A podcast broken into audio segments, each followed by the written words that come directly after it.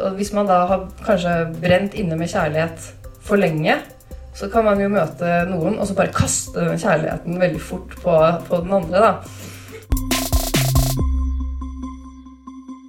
Jeg eh, har da skrevet disse seks bøkene, eh, som, er, som sikkert er ganske forskjellige, men eh, som eh, ikke Men som har noen noe gjennomgangstemaer likevel, da. Eh, jeg tror ikke jeg rekker å snakke så, så veldig inngående om alle sammen. Eh, det blir vanskelig, men jeg skal prøve å i hvert fall komme innom en del ting, da. Og et par av bøkene. Tre, kanskje. Men jeg pleier kanskje å begynne å snakke om hvorfor man i det hele tatt skriver. Det er jo mange av de eh, kollegene jeg har, da, de, de, har en veldig litterær inngang. Og de sier at de, de, vokste opp i et hus med masse bøker, og de, var, de satt og leste som barn, og de, levde seg inn i, i bokverdenene. Eh, men jeg, jeg, hadde egentlig ikke så, jeg, jeg, kom ikke fra et hus med mange bøker. Eh, og jeg, jeg hadde Altså, jeg leste jo Pippi, selvfølgelig. Eh, men eh, men jeg, jeg, begynte ikke å skrive fordi jeg hadde lest en spesiell bok eller eh, Og jeg tenkte aldri at jeg skulle bli forfatter. Jeg, jeg tror jeg, jeg, begynte å skrive fordi jeg syntes at verden var veldig rar. Eh, kort, kort, oppsummert, da. Jeg var en eh, undrende unge og syntes at samfunnslivet og menneskeverden var, var veldig veldig snodig, da. Og jeg, det, det syns jeg, jeg jo fortsatt. Jeg har ikke kommet over det. Um, og jeg mm, Jeg husker veldig godt uh, da jeg forsto at vi skulle dø. Uh, det, det, var uh, sånn traume for meg. Som det sikkert er for, for veldig mange barn. Når man, og når man virkelig forstår at, all, at alle skal vekk, inkludert mamma og pappa og en selv og alle vennene sine. men det, det, var Jeg husker jeg så liten unge, så, så tenkte jeg men hva, hva, er meningen da? Hvis alle sammen skal bort herfra, og, og vi, vi, bare holder på og jobber med ting og samler på, på glass og bestikk og går på jobb, og, og, så, og, så, skal vi bare vekk. Og så Jeg var sånn ungen fra helvete. Stakkars mamma. sånn, 'Hva er vitsen med å kjøpe sånn krystallglass? Vi skal jo dø.' Og så, og så hadde hun jo aldri noen Stakkars. ja, de, men, men, jeg, jeg forsto det ikke. da. Jeg, jeg, jeg, husker at jeg syntes det var så rart hvordan alle Hvordan man klarte seg så bra. For man, vi gjør jo det. Vi er jo kjempeflinke. Vi, vi, vi er korrekte, og vi, vi, gjør som regel det beste. Vi vil i hvert fall gjøre det beste. Og jeg husker at jeg Ja, alle de som sier at de har en jobb som de egentlig ikke liker så godt, da, og, og som de kanskje ikke får så mye utbytte av, men ja, ja, man må jo på jobben, og vi skal jo få byen til å gå rundt, ikke sant. Og jeg, jeg tenkte alltid at det var det var så rart at ikke folk bare ga, ga mer faen, da, i og med at vi jo har en veldig begrensa tid her. Og jeg vet ikke. Det fascinerte meg alltid, det korrekte med det. Uh, og jeg satt og, og, skrev, tror jeg, for å prøve å rydde i disse tankene, da.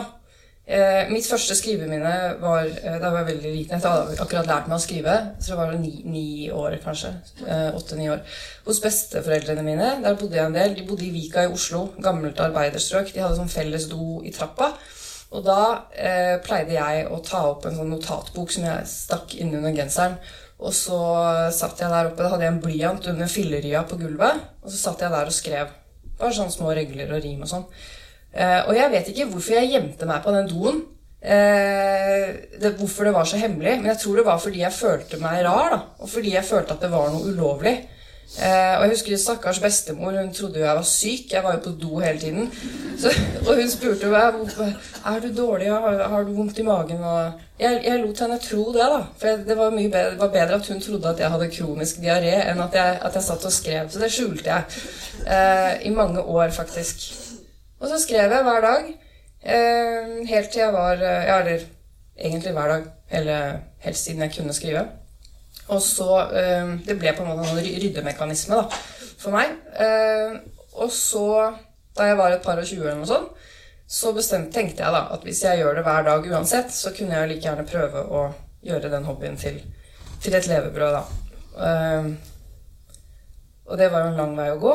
Det er det jo. Nøkkelhullet er jo så lite, og man blir jo refusert mange ganger og sånn. Jeg husker jeg skrev på et manus i Jeg tror jeg brukte fem år jeg, på å skrive på et manus som, som aldri kom ut. En bok som fortsatt ligger i skuffen. Eh, og til slutt så dro jeg på, på, hytta. Da var jeg 30 år. da, Jeg holdt på i åtte år, fra jeg var 22 til 30. Eh, og tenkte at hvis jeg ikke får til dette, da, da, må du gi opp. Da må du bli sykepleier. Og, så, og, ikke, og det hadde vært fint, det. Men, eh, men eh, da ga jeg det liksom alt jeg hadde. Og da dro jeg ut på en hytte med det manuset, da, som jeg jo var kjempelei av, men som jeg tenkte at nå, nå må du få, få dreisen på det manuset. Og du, ikke, du, får ikke lov til å dra fra den hytta før du har fiksa det manuset. Det var egentlig det jeg sa til meg selv. Eh, og det, eh, det, var helt forferdelig. Jeg var der ute fra, jeg dro ut der i juni. Eh, og når vi kom til desember, så hadde jeg hatt tre bihulebetennelser og to urinveisinfeksjoner. og det manuset var fortsatt like jævlig umulig. Så jeg, jeg måtte bare gi opp, da.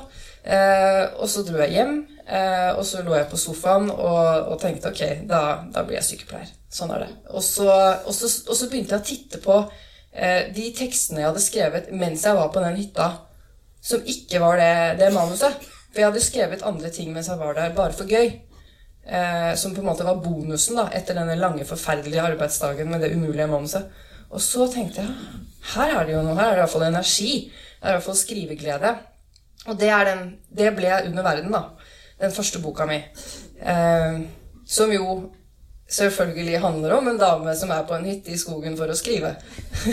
det er egentlig ganske morsomt hvor mange debutbøker som handler om, om skrivende mennesker. da. Jeg tror, mange, jeg tror, det er mange, som sliter. Det er så lang vei å komme, å komme ut med den første boka. så det er, eh, det er, det er oppsiktsvekkende mange debutbøker som handler om unge folk som har innlosjert seg på en eller annen slitt leilighet eller en hytte for å skrive. Men, og så, sånn er jo min òg, for så vidt. Eh, det er ikke noe, er ikke noe sånn sann, sann fortelling, men jeg brukte iallfall de, ytre, de ytre rammene da, for alt de var verdt.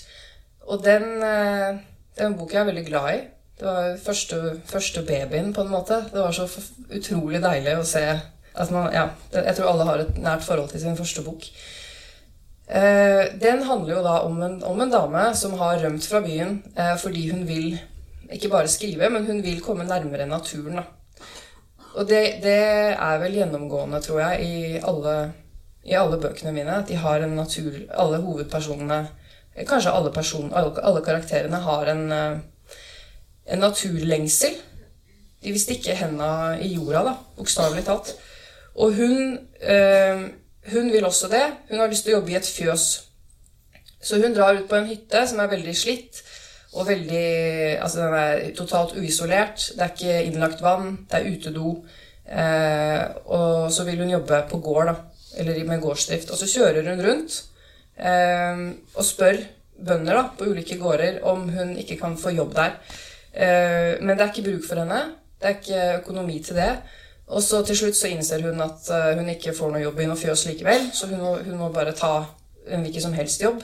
Og hun, kjører, og hun spør på ja, overalt. Og det siste stedet hun spør, da, det er da kommunens eneste klesbutikk, og det er en kubusbutikk. Og der får hun jobb.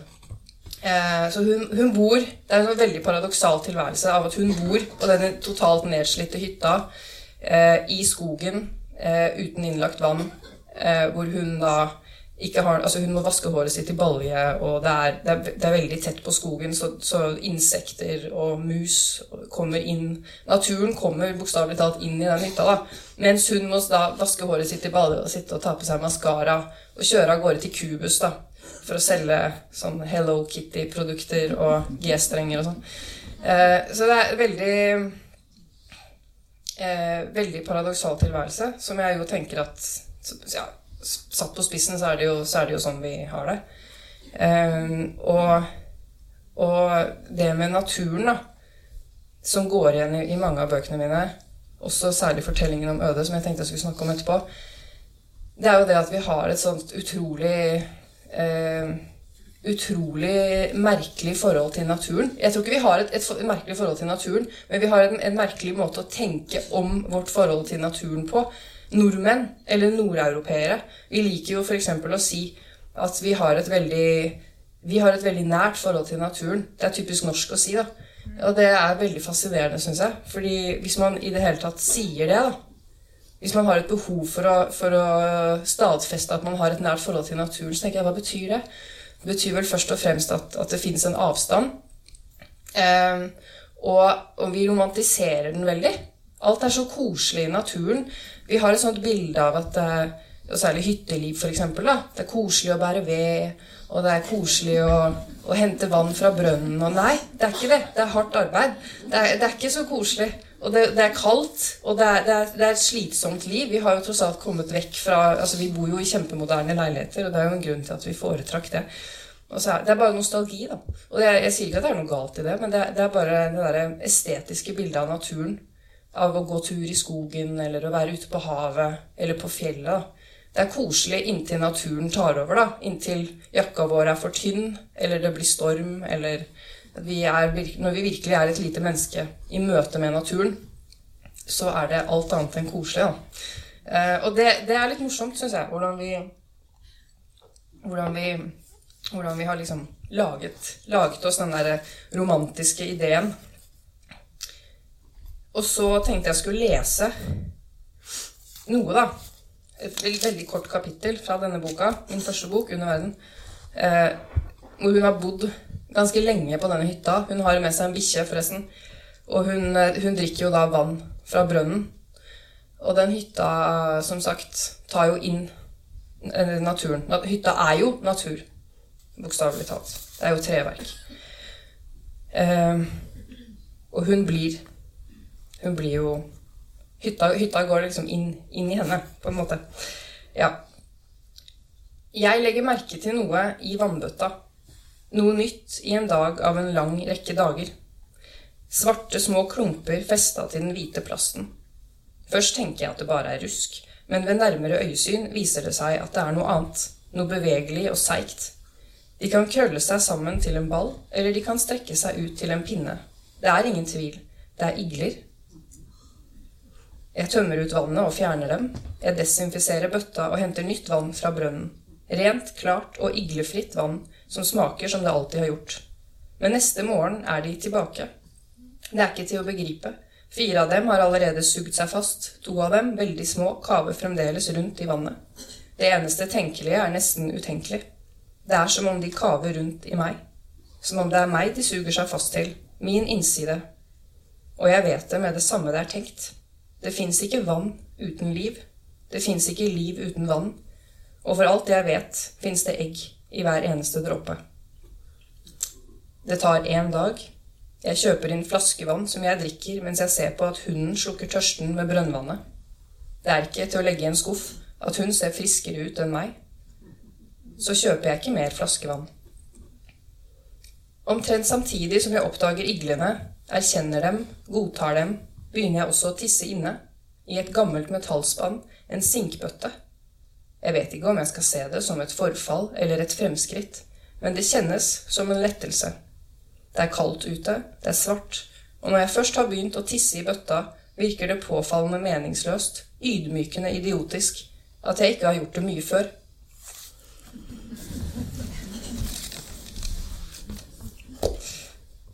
Ja. Mm. Jeg skal ikke snakke så mye mer om den. Eh, da har dere fått en liten smak på den. Eh, men eh, motivet til personen i denne boka er jo at hun Det er jo først og fremst en slags flukt. da. Hun har jo brytt med alt hun kjenner og alle i byen for å, sta, for å starte opp på nytt. På, på et nytt sted med å lage seg et nytt hjem. Og det, det, det handler jo Altså, det, det å rett og slett uh, flykte, da Jeg vet ikke. Hvor går grensen mellom å flykte eller å rømme fra noe eller å være nysgjerrig på noe nytt? Jeg tror det er ganske sklidende grenser der. Men eh, jeg, tror, jeg, tror, alle bøkene mine handler om en eller annen form for flukt. da. Eh, det er ikke noe jeg har planlagt. Det er bare blitt sånn. Og Ut, min andre bok, til høyre der Oi, unnskyld. Eh, den handler om en person som prøver å flykte ut av en relasjon. Veldig kort oppsummert. Hun er innelåst, innesperra, Eh, hun har oppnådd alt hun, alt hun eh, ønska seg. Hun er gift, hun har en eh, jobb, hun har en, en sønn. Og så kjeder hun vettet av seg. Og så gjør hun det hun kan for å rømme. Om ikke sånn bokstavelig talt, så, så, mentalt i hvert fall. Og i byen. Hun er, hun er ganske desperat. Så det er, det er en bok om å, om å, rømme ut av en relasjon. Og den neste boka, 'Unnskyld', er en bok om å rømme inn i en relasjon. Så, eh, og, som handler om to, eh, to mennesker som, som, har veldig brokete fortider, begge to. Eh, man vet ikke så mye om henne, men, vet, men det er han-figuren som er hovedperson. De flytter sammen med en gang, uten å kjenne så veldig mye til hverandre. Eh, de forlover seg. Det er sånn 'Jeg 'kan ikke leve uten deg'-forelskelse. Eh, det går selvfølgelig ikke så bra. Eh, med sånne besettende kjærligheter så går det sjelden bra. Men, eh, men han, han, viser seg å være noe helt annet enn han har utgitt seg for. Da. Og han viser seg å være egentlig en slags iscenesettelse. Han har Han kommer fra et veldig svart, svart sted. Mørkt hjem med hemmeligheter og, og voldelig voldelig fortid og i det hele tatt. Eh, jeg tror jeg ikke snakker så mye om det. Det er den, det er den boka jeg har skrevet som, som har blitt oversatt til, eh, til, flest språk og vunnet ting og sånn. Men den er Det er på en måte en klassisk kjærlighetshistorie i den forstand at den ender veldig tragisk. Hvis ikke så er det jo ikke noe kjærlighetshistorie. um, ja. Det er i hvert fall en, en, eh, helt åpenbar flukt. da. Man bare kobler seg av hele samfunnet, og så lager man lille, eh, sin egen lille tosomhet. Eh, hvor man iscenesetter seg selv på nytt, nesten. For hvis man ikke Hvis man, bare, hvis man blir alt for hverandre, da, så Så trenger man ikke resten av verden. Jeg tror ikke det er så sunt. eh, ja. Sånn, da var vi ferdig med de. Det var godt. Eh, fortellingen om Øde. Eh, ja. Det var en bok som jeg ikke hadde planlagt å skrive i det hele tatt. Eh, og det er jo litt forskjellig da, fra bok til bok. Eh, under verden hadde jeg jo heller ikke planlagt å skrive. Det var jo noe som bare kom til. Eh, unnskyld tenkte jeg på i ti år før jeg skrev den. Og fortellingen om Øde den kom eh, til fordi jeg dro på ferie til Galapagos. Og så plutselig så tenkte jeg oi, her er det en story. Den må jeg skrive om. Eh, og eh, jeg hadde med meg et annet manus dit som jeg også puttet i skuffen. Man må gjøre det av og til. Man må, man må kaste ting for å, få, for å få, nye ting eh, til å, til å finnes, rett og slett. Ja. Eh, jeg vet ikke om noen har hørt om Galapagos-mysteriet. Jeg hadde i hvert fall ikke hørt om det da jeg dro til Galapagos. Eh, men eh, Carlo Ritter Han het i virkeligheten Fredrich Ritter. Han kom fra Berlin. Og dette var i, i mellomkrigstida, slutten av 1920-tallet. Han var, han var lege med såkalt dental spesialisering. Dvs. Si at han var tannlege, og uh, han var filosof. Man var veldig mye. For 100 år siden så kunne man være så mangt. Og så, hadde han elever som han eh, underviste i sin, i sin, egen filosofi. Og han var da naturalist slash hippie. Eh, og det var en sånn bølge på den tida at folk ville tilbake til naturen og leve i pakt med naturen. Og han, han hadde da en teori om at hvis man, eh, hvis man eh, rømte, fl flyktet igjen fra moderne samfunn og industrialiserte samfunn, og levde i pakt med naturen og spiste kun vegetarisk og, og sluttet å bruke klær, så kunne man bli veldig gammel.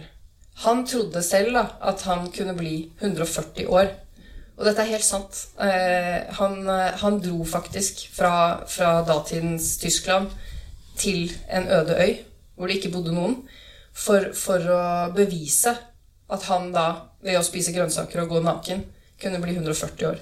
Og det er så sinnssykt! Så det er, det er jo ikke sinnssykt, det er, det var, men det er jo på en måte Det er jo, er jo galskap. Men, men eh, å, det, å, faktisk gjøre det, da det, er jo Jeg tenker at det nesten Altså, det, det, det, det er så ekstremt. Det er, det er en form for uh, selvmord. Originalt selvmord. Jeg vet ikke hva det er. Men det er, det er i hvert fall helt vanvittig. Og han gjorde det fordi han var en narsissist. Og det var jo også paradokset med han, da. Som jeg syns er ganske komisk. At han, han ville vekk fra alt som hadde med mennesker å gjøre.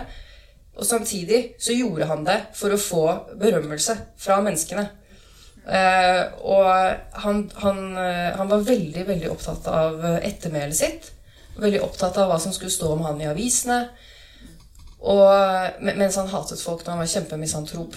Og, og, og hadde tydeligvis veldig, veldig, veldig god selvtillit. Han trodde jo faktisk at han skulle gjøre dette og ikke, og, og ikke være ensom. Ikke sant? Han trodde han skulle dit, og at Jeg vet ikke hva, hva han tenkte. Eh, så skal det sies at i virkeligheten så tok han med seg en av pasientene sine. Slash elskerinne. Det vet jeg. Begge deler. Eh, men i min bok så er han aleine. Og det, det er fordi jeg ikke kunne motstå fristelsen av å skrive om, om en, en sånn typisk Robinson Crusoe-bok om en mann alene på en øy. For jeg tenker at det finnes Det, det er så hinsides, da. Hva er et menneske uten andre mennesker? Det er en utrolig spennende tanke. Og da kan man virkelig dra det langt. da. Hva skjer når du ikke har noen å snakke med? Hva skjer når du ikke kan måle deg opp mot noen? Eh, og vi er, jo, vi er jo sosiale dyr. Vi er sosiale speil. Vi trenger jo å, å, å, å bli irettesatt. Ikke sånn, ikke sånn irettesettelse, men det var feil ord. Men vi, vi trenger å bli, bli eh, Speilet. Takk. Eh, eh, ja, hvis ikke så har vi jo ikke noen målestokk, ikke sant? Så eh, jeg lot han dro, dra da til denne øya Floriana på Galapagos eh, aleine. Og på, på den øya så faller han jo da for det, for det første så skjer jo det samme som egentlig i Under verden, da, bare at det er i norsk natur. Det er at den romantiske ideen av natur kollapser veldig fort. Og selv på en tropisk øy så gjør den jo det. Eh, det er ikke så, så gjestmildt. Og, og Galapagos er jo, er jo heller ikke noe sånt eh, postkort, eh, postkortbilde. Det er, det er ganske herja øyer. Det er, u, det er ugjestmildt. Det er, det er vulkanske lavaøyer hvor det er ganske tørt og karrig. Og så er det noen deler av øyene som er fruktbare, og noen som er helt, eh, helt tørre. da. Så han hadde vanskeligheter for å få noe til å gro. Han hadde med seg masse vekster som han skulle plante. Det gikk ikke så bra. Det eneste han klarte å, å få til å gro, var tomater. De vokser jo hvor som helst. Men man blir jo lei av å spise bare tomater, da. Så det var ikke så lett å være vegetarianer. Eh, og da begynte han å spise sjøløver og måker. da. Eh, uff. Desperat liv. Eh, eh, ja. Og så fins det noen dyr på den øya. Eh, det fins øgler. Eh, og det hadde ikke han sett før. De, og de var både skumle og fascinerende da, for han. Og etter hvert så får han en spesiell kontakt eh, med, med en øgle. Han blir så ensom. Det går, det går jo mange år. Han faller ut av tiden, han faller ut av språket. Eh, og det, og han, har, han, han innbiller seg at han har fått en, en vennskapsrelasjon, kanskje til og med en kjærlighetsrelasjon, eh, til, til, en, til en sånn stor Galapagos-øgle. Han innbiller seg at hun har blitt Jeg tror ikke han egentlig vet om det er en han eller en hun, men at hun har blitt glad i ham. da. Eh, så ensom er han blitt. Eh, og så skjer jo det på andre siden av jorda, mens han er alene på denne øya med øglen sin, at han har blitt kjendis i Tyskland. Eh, for han har sendt rapporter. Og han, uten at han vet det, så kommer det folk da som, som skal følge han og følge hans eksempel. Som også vil leve i pakt med naturen, som jo ikke går så pent og pyntelig for seg, men som også skal dit og leve til de er 140 år. Eh, og, og de første som kommer, er, er et ektepar. eh, Etter at han har vært der veldig lenge, da. Eh, og de Hun er faktisk gravid. Og det også er helt, de, de forlater jo også alt og alle for å dra på denne tre-fire måneders seilasen over til denne øya for å bo der. Og de kommer dit fordi de også tenker at han, han kan hjelpe dem. Fordi han er jo lege. Eh, og, og det glemte jeg å si. Det var derfor jeg nevnte at han var tannlege. Han gjorde en helt vanvittig ting før han dro. Han trakk ut tennene sine.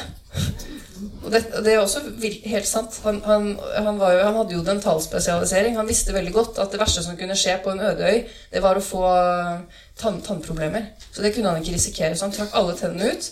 Og så, og så, tenkte han at han uansett ikke trengte dem, for han skulle jo ikke spise noe kjøtt. Eh, men han lagde et sånt eh, stålgebiss, bare sånn just in case. Eh, ja, han så ikke ut. Men eh, i alle fall så kommer dette ekteparet da eh, til denne øya hun er gravid. De tenker at ja, men dette, han er jo lege, han kan hjelpe oss. Han vil jo ikke ha noe med folk å gjøre. Det er jo derfor han har dratt. Så de, de, de, de kommer, og det blir på en måte For han, da, som jo har knytta bånd til en øgle, så, så, jo, så, blir jo de på en måte redningen hans, sånn ensomhetsmessig. Men samtidig så destruerer de jo hele prosjektet, ikke sant. Jeg tenkte jeg skulle lese fra når de møtes for aller første gang da, på den øya. Han vet jo selvfølgelig ikke at de kommer.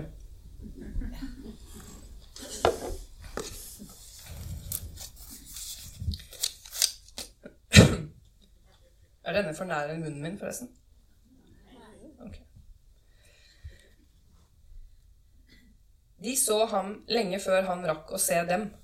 Svært uheldig var det, men det var sånn det gikk. De så ham, og enda de for alt i verden ikke ønsket å se det de så, var det fint lite å gjøre med det. Blinde var de ikke, og heller ikke frie for nysgjerrighet. Dette synet av en naken mann og en diger øgleskapning, tettheten imellom dem, lydene imellom dem, og lovløsheten, det ubegripelige, sjenansefrie. Hva i all verden er det han holder på med? hvisket Marie til mannen sin. De gjemte seg i buskene, ventet i den klamme tettheten, og Heinzel svarte henne ikke, hadde kanskje ingen svar å komme med, bare at de måtte vente, og at de måtte være stille. Hvor lenge skal vi vente? spurte Marie da. Hun var sånn av og til, så fordummende barnslig og utålmodig. Til han er ferdig, svarte Heinzel. Og så var det ikke noe mer å si.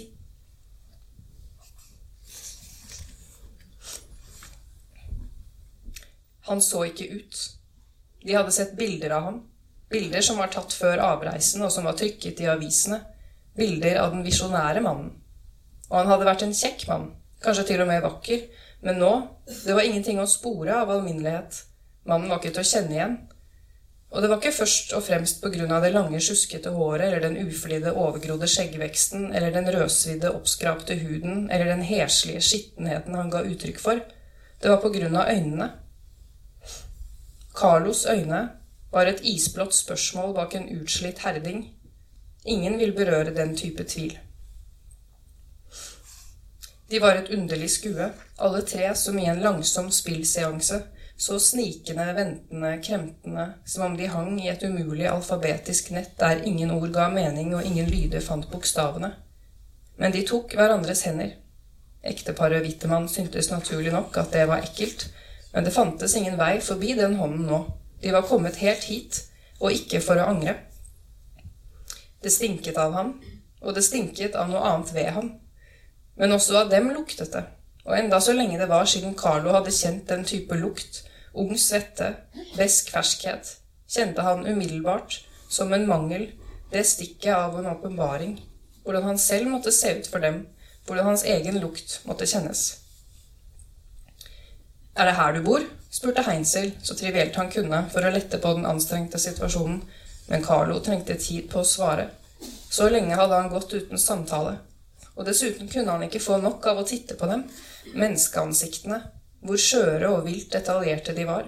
Ikke langt fra øglehodet, tenkte han, alle disse linjene i huden, som om den avstanden som fantes, kunne la seg streke over. Det var særlig Carlo og Marie som så på hverandre. Heinzel fikk med seg det, hvordan Carlo satte det kjølige blikket i henne, og hvordan hun verken brøt eller blunket eller så ned eller til siden. At de holdt hverandres blikk for lenge. Slik var det.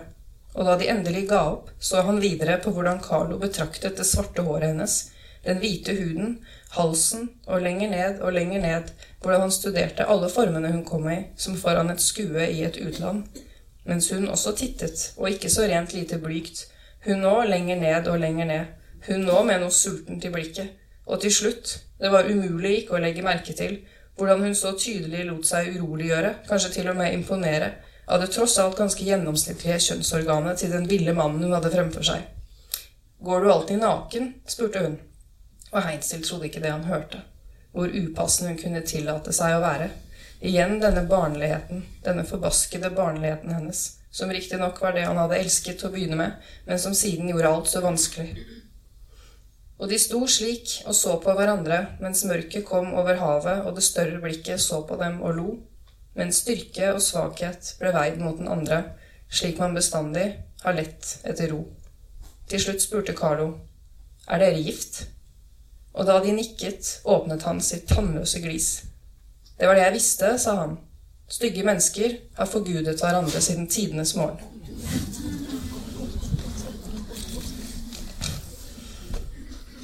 Det var et hyggelig førstemøte, det.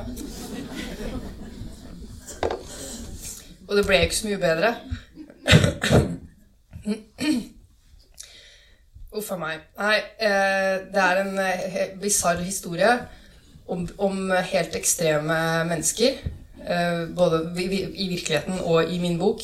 Den er vel så ekstremt Altså, den virkelige historien er vel så bisarr og ekstrem. Eh, og til slutt så kommer det faktisk enda, enda et følge mennesker.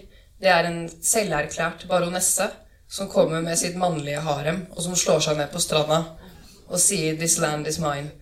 Og, så er helvete i gang, da, egentlig.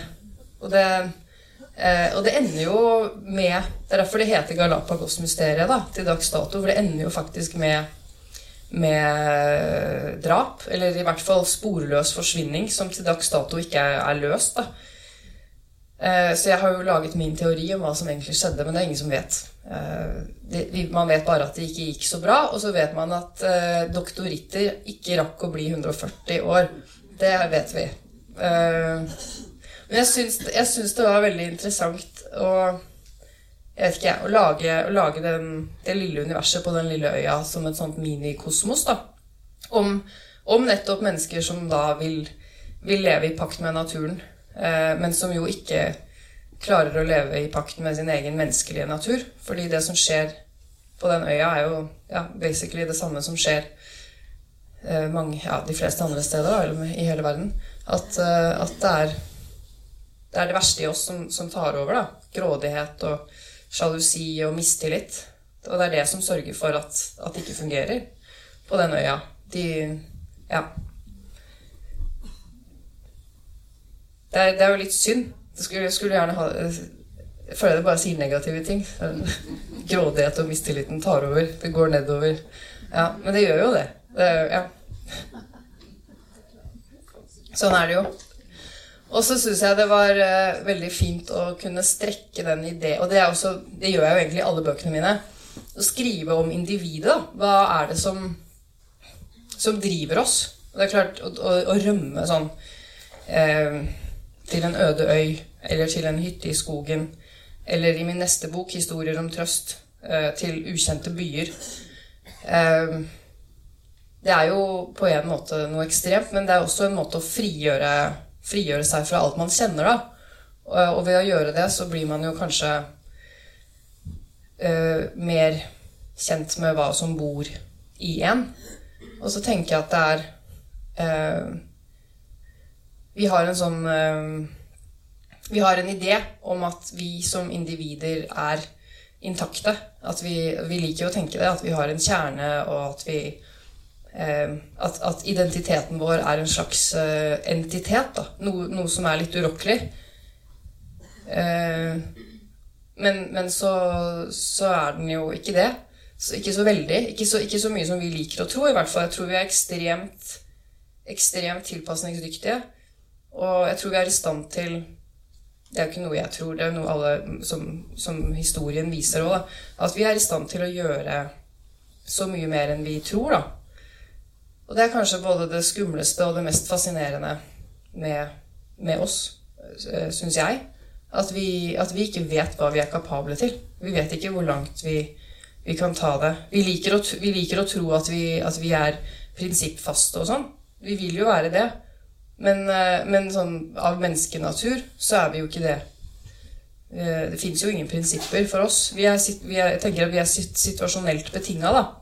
Vi gjør det som situasjonen krever. Og det er jo forferdelig eh, rart å tenke på. Eh, ikke bare hadde vi vært, oppført oss annerledes hvis vi hadde vært i en annen kultur, men det er mye lenger enn det. da, Eller det, det går mye lenger enn det. Vi, vi ville vært eh, Ja, vi kunne, vi, kunne vært, vi kunne, tenkt på en annen måte. Vi kunne, vi kunne vært fundamentalt andre mennesker hvis vi hadde blitt oppdratt et annet sted. Og, og vi liker å tenke at 'nei, jeg ville aldri gjort sånn eller sånn'. Det vet vi ingenting om. Det er noe man kan si før man har blitt utsatt for en gitt situasjon. Vi vet ingenting. Og til og med ting som vi, som vi tror er, er, ganske sånn forankra, eh, som har med natur å gjøre, f.eks. seksuell legning, den er også plastisk. ikke sant? Det er bare å se på hva som skjer i enskjønnede fengsler. Eh, vi, og, det, og, det, er kanskje noe av det vi tenker. Hm? Ja. Eh, og eh, at, vi, at, vi, kan forandre oss, da. At vi er tilbøyelige for å, for å, endre, for å endre på så mangt. Det syns jeg er spennende. Eh, og det har jeg vel egentlig skrevet om i alle, alle bøkene på, på en eller annen måte. Jeg kan si kort om den, min nest siste bok, da, 'Historier om trøst', som handler om, om en det, det, er, det, er, en bok som er delt i tre, uh, er, av tre lange noveller. Og i hver bok så, så, er det et menneske som kommer til en fremmed by, og som, møter, og som inngår en relasjon veldig fort da, med, med et annet menneske. Logisk nok. Ikke øgle denne gangen, men to mennesker. og da eh, eh, Det handler om mennesker som finner hverandre da, på tross av ulikheter, på tross av at de snakker ulike språk. Eh, på tross av ulike ja, trosoppfatning, eh, ulik kultur, bla, bla. Eh, og hvordan man da bare finner hverandre i, i en sånn søken etter, etter, en kanskje litt generell nærhet, da. Eh, og man, kan, man, har kanskje lett for å tenke at sånn type kjærlighet, som først og fremst er fysisk, er overfladisk. Men eh, det er ikke ment sånn i boka. Jeg tror ikke vi kommer ut som overfladiske heller. Ehm, det handler mer om at Det er, egentlig en, en, eh, en bok om, eh, om kanskje å, å, brenne inne med kjærlighet. Jeg tenker at alle mennesker er, har en viss mengde kjærlighet i seg, og så trenger man jo et annet eh, Man trenger jo et annet menneske for å spille den kjærligheten ut, da. Men hvis det mennesket ikke fins, så er det jo ikke sånn at man ikke har noe kjærlighet. Eh, og, da, da, hvis man da har kanskje brent inne med kjærlighet for lenge, så kan man jo møte noen og så bare kaste den kjærligheten veldig fort på, på den andre. da. Eh, og finne hverandre i, i, i, det språkløse. Altså i blikk og stemme og ja, nærvær. Og det, også, det handler vel om en sånn grunn, eh, grunnleggende tomhetsfølelse og og meningsmangel og rotløshet og flukt. Jeg kjenner at jeg har sagt de samme ordene mange ganger, men det, det er et, et gjennomgangstema på en eller annen måte. Selv om bøkene er skrevet på, på veldig ulike måter eh, og, og, har veldig ulike historier, så, så tror jeg det handler eh, mye om, eh, om, om, eh, om rotløse folk. Ja som prøver å finne en mening i en verden som jo alle vet ikke har så mye mening. Vi bor jo her da, på en stein som spinner rundt seg selv. Og det vet vi. Vi er bare veldig flinke til å glemme det. Så vi coper jo veldig bra, da, alle sammen. Ja. Og i den siste boka mi som kom i fjor, 'Ene skissen', det er min mest eksperimentelle bok. Den er litt eh, Det er, ja, det er den rareste boka jeg har skrevet, da. Eh, og det var ikke så mange som egentlig skjønte den. Men eh, jeg kan jo røpe, hvis noen, skulle, hvis noen, her skulle låne akkurat den boka på biblioteket, at det, det, det handler om fire damer som bor, som bor sammen. Eh, og igjen så handler det om da, det ambivalente i mennesket. At liksom vi, vil, eh, ja, vi, er spalta som individer. De fire damene som bor sammen, eh, de er én dame. De, de, fire damene er de, de, står skrevet som fire personer, men de er egentlig bare fire Eh, karakter, eh, fire karaktertrekk da, ved det samme mennesket. Eh, og det var det ikke alle som det var, det var, kanskje ikke tydelig nok, da. Men, men det, det, er, kjekt å vite. Eh, og en av de fire, hun er jo da forfatter. Eh, og hun er sjefen i huset. Eh, og hun skriver jo bøker, og så begynner hun ene å, å, å fatte mistanke om at hun driver og utleverer dem. Og så blir det krig i huset, da, kort oppsummert. Og hun ene vil få mann og få barn og familie, og hun vil på fest og treffe vennene sine. Det vil ikke forfatteren tillate. Uh, så det er, en, det, er, det er, stadig strid og motstridende viljer da, i det, i det huset der. Uh, som det sikkert er i mange hus. Ja.